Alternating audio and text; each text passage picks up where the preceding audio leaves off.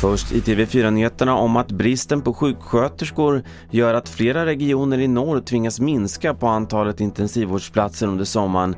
Det visar TV4s kartläggning. Färre IVA-platser än normalt under sommaren men den fortsatta pandemin gör läget speciellt. Thomas Lindén är avdelningschef på Socialstyrelsen. Eh, jag tror också att regionerna kan inte stänga ner så mycket som man brukar därför att det finns angelägna vårdbehov som måste tas om hand. Det är ju detta som måste balanseras mot eh, det också nödvändiga behovet av att ge personal som arbetat länge att få en chans att återhämta sig.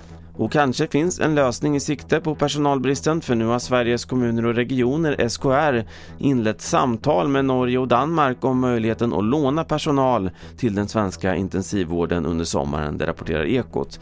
Enligt SKR är både Danmark och Norge villiga att hjälpa till. Och till sist kan vi berätta att spridningen av covid-19 faktiskt minskar rejält i flera EU-länder. Det visar data från den europeiska smittskyddsenheten enligt Dagens Nyheter. Minskningen är störst i Rumänien Finland och på Malta. Samtidigt har nästan hälften av alla vuxna i EU nu fått minst en vaccindos.